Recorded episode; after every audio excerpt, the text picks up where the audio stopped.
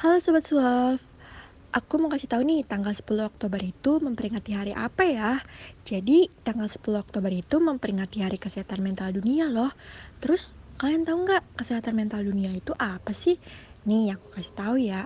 Jadi kesehatan mental adalah kondisi biologis dan sosial kita untuk mencapai keberhasilan, mengatasi konflik, dan memelihara hubungan dengan orang lain juga loh.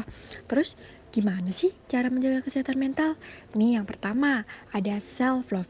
Mencintai diri kita sendiri nih dengan cara bersyukur agar tidak insecure ya.